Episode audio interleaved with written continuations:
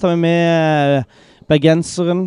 Mannen som løper mil etter mil, som Jahn Teigen eh, sa. Kasper Skånes, gratulerer med seier og, og skåring.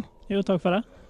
Skåringa den eh, må du nesten eh, gå gjennom. Eh, Heldig eller eh, bare ekstremt dyktighet? Nei, jeg skal innrømme at jeg er heldig. Jeg er det. Eh, det blir litt sånn skudd fra kort distanse, så jeg prøver å få en fot på den, men skal ikke si at jeg har full kontroll på hvor, eh, hvor ballen havner.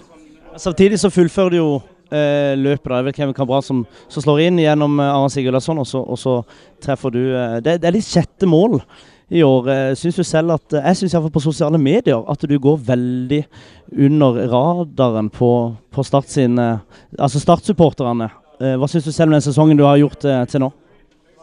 Det har vært litt opp og ned.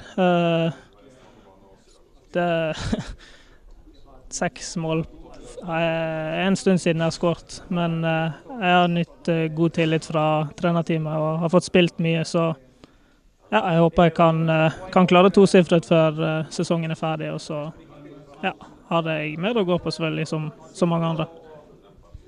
Da hørte du det på radioen først. Han skal opp på, på tosifra. Det får vi bare satse på. Det blir jo en fryktelig spennende høst, dette her, Kasper.